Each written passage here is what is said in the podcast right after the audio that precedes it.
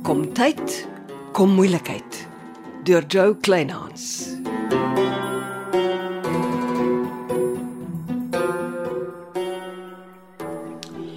Waar is my ondertekende papier, Neville? Dis waarom ek volgende hier is, Gertrude. Ons moet praat. Ek het die dokument opgetrek, teken. My magtig, dis my kompleks. Jy gaan te keer asof jy daarvoor betaal. Magteld. Wie het ooit gesê die kompleks gaan na jou dogter vernoem word? Ek betaal daarvoor en dit is my kompleks en die kompleks sal magteld genoem word. Teken. Nee, Gertrude, jy voeter my nie rond nie. En vanoggend, toe ek state op die kompleks bouery wil trek, weier die bank om die vir my te gee. Wat het in jou gevaar? Jy is toe skelmer as wat ek ooit gedink het. Hoor wie praat. Ek laat vandag nog die dokumente optrek dat jy teken en klaar kry.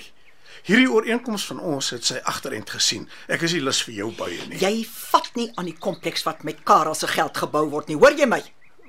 Waar val jy uit? Jy wou wragtig Karel se aandeel skelm inpalm. Wat se aandeel? Man, hou op lieg.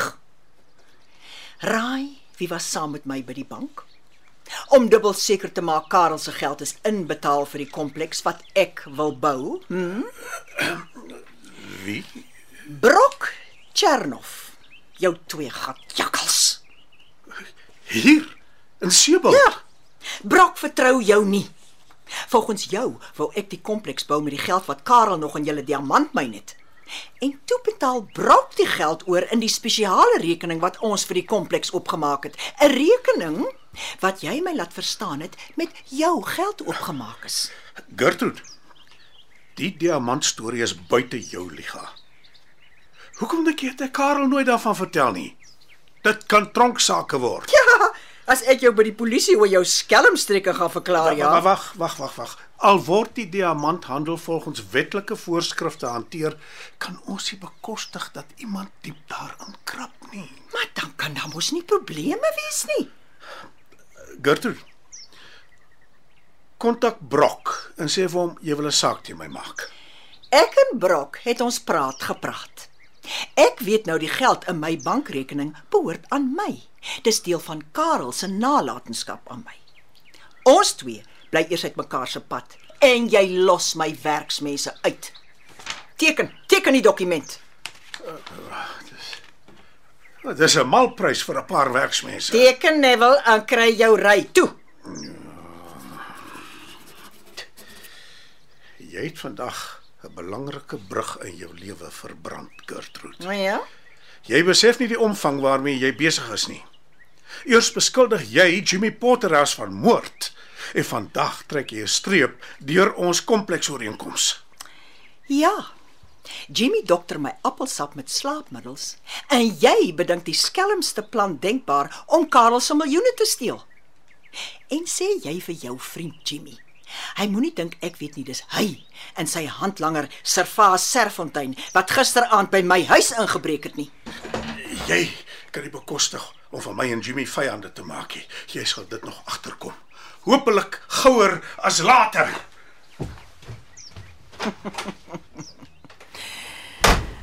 Toe maar wat, ek is reg vir julle twee skelm helle.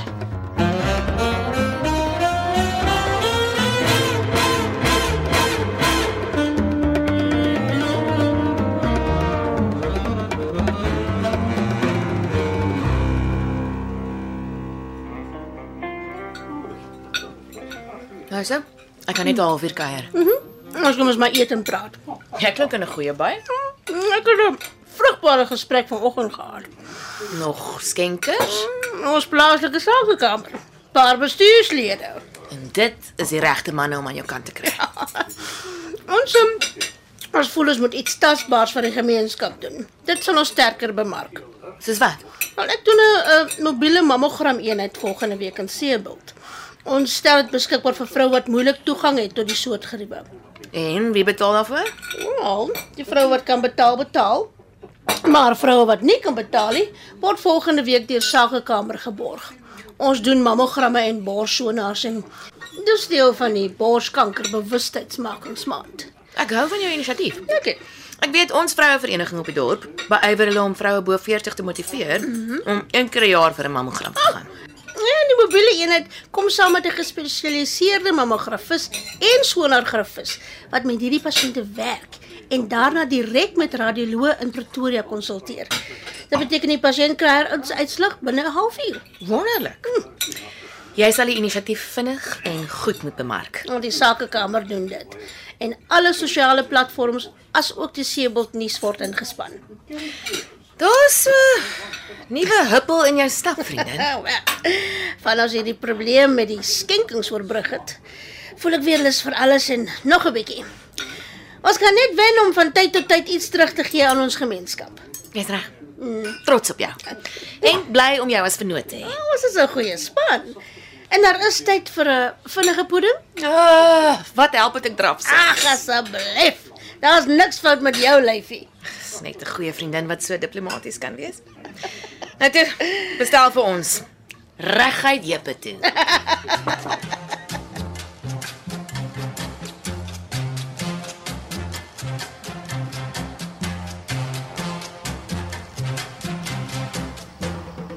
Gertrude, ai. Ah, Naat Janice. Uh, Chanel se huis is donker. Ja, sy's uit ehm eh, hulle moet vanaand 'n ongeskeduleerde voorraadopname doen. eh. Maar ek So. kon sweer toe ek voor by die kompleks inkom, sien ek iets wat soos 'n flitslig lyk in Chanel se huis. O, ag nee, wat jy het jou seker verbeel. En toe verbeel ek my jy kom by Chanel se klein hekkie uit. Want jy kan nie sulke goed sê nie. Gertrude, wat gaan aan? Niks.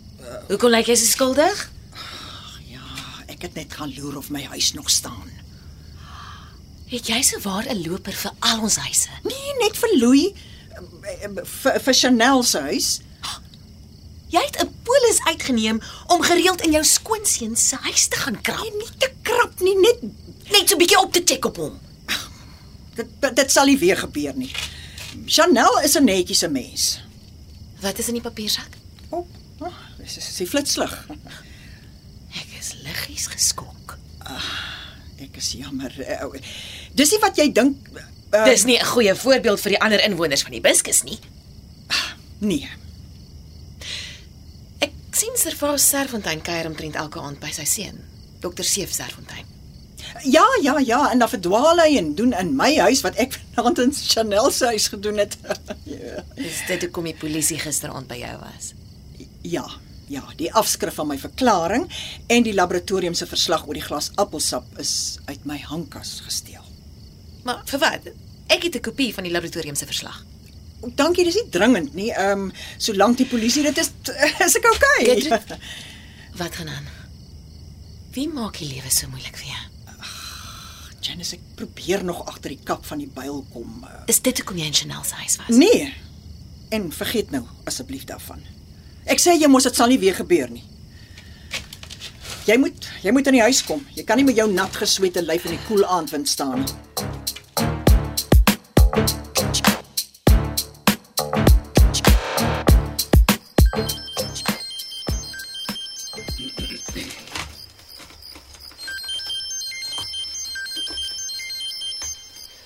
Lappies Grobler, goeienaand. Lappies, dis Gertrude. Ah, is daar probleme? Ek wil met jou praat. Privaat. Uh, wanneer en waar?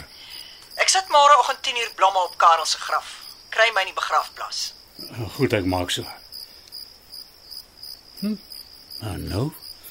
Hoe kom so Gertrude Germos huis in my in die begrafplaas?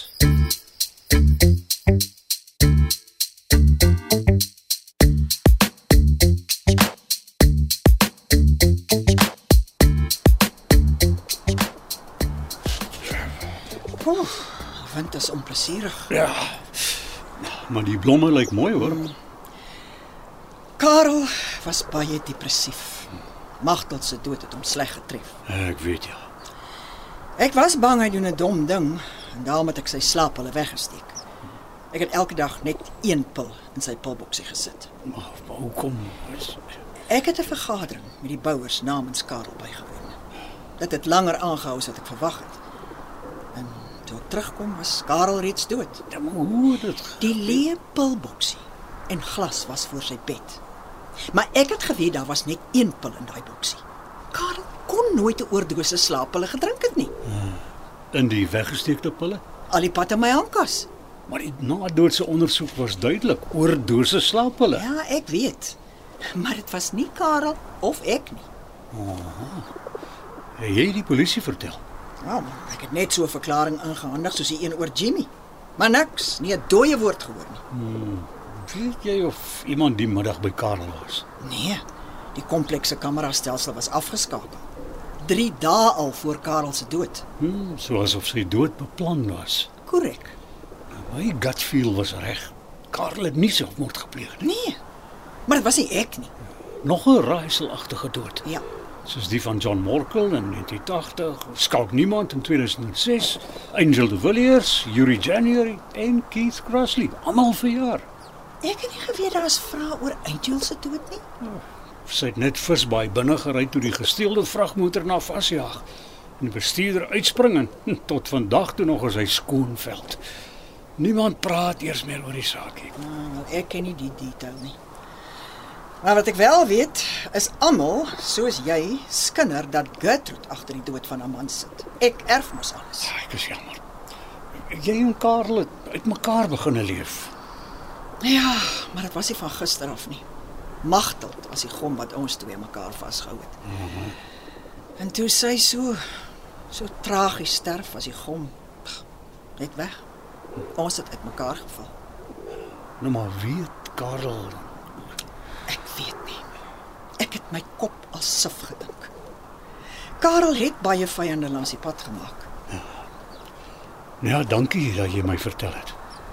Dit is nie maklik om alleen iets swaars te dra nie. Jy raak sielsmoeg. Dit weet ek maar al te goed. Nou ja, dan stap ek maar. Jy wil seker 'n paar minute alleen wees.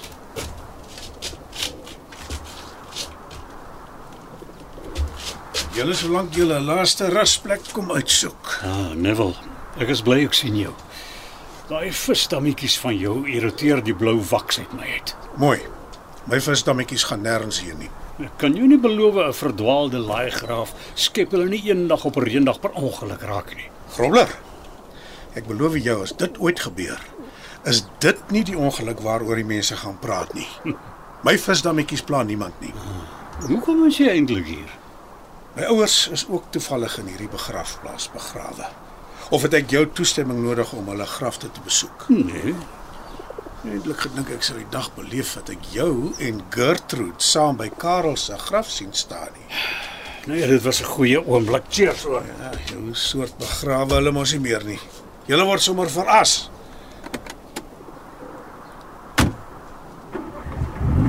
Van wanneer af besoek jy en Gertrude Germishuisen saam begraafplase? Man, iewers is 'n slang in die gras.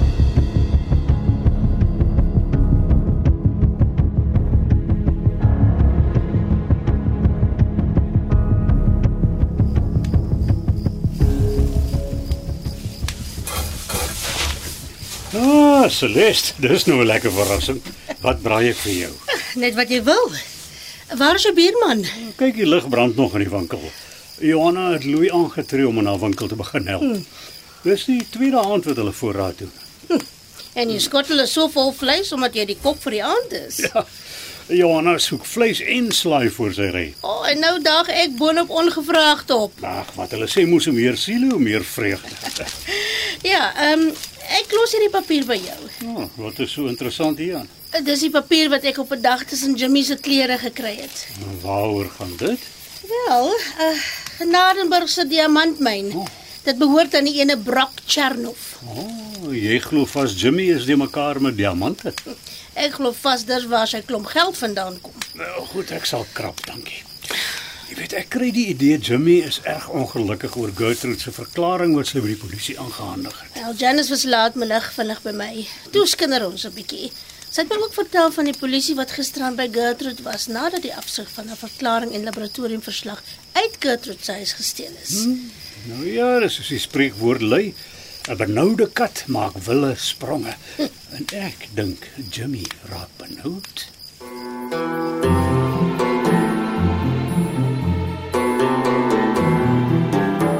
Jy het geluister na Kom tyd, kom moeilikheid deur Jo Kleinhans. Dit word opgevoer in ons Kaapstadse ateljee se. Amortredo is die regisseur en tegniese en akoestiese versorging is deur Cassie Lauers.